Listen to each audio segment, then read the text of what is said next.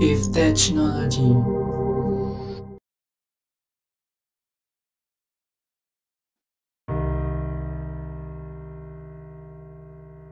Hari-hariku sungguh tidak menyenangkan karena sifat malas yang terus ada dalam diriku. Aku ingin menjadi lebih baik. Kali ini aku harus bangkit. Aku harus mengejar ketinggalan dan aku harus berhasil. Tapi bagaimana caranya mengubah rasa malas ini? Aku harus mulai dari mana? Aku akan coba dengan caraku sendiri. Jika hanya sekedarnya saja, tanpa diselingi usaha aku tidak akan berhasil. Mulai sekarang, aku akan merubahnya dan aku akan buang jauh-jauh sifat malas yang ada dalam diriku. Dengan membaca buku, perlahan-lahan pengetahuanku semakin meluas.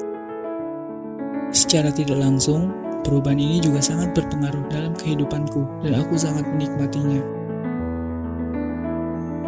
Rasanya nyaman dengan perubahan ini, aku tidak akan membiarkan sifat malas itu datang lagi. Jika aku tidak memulai ini dari sekarang, mungkin aku akan jadi orang yang tidak berguna. Aku tidak bisa terus-terusan diam tanpa usaha untuk merubahnya. Aku jadi teringat diriku yang sebelumnya, tapi untuk apa memikirkannya? Aku sudah meninggalkan sifat malas itu, dan aku akan berusaha dengan sungguh-sungguh agar menjadi lebih baik.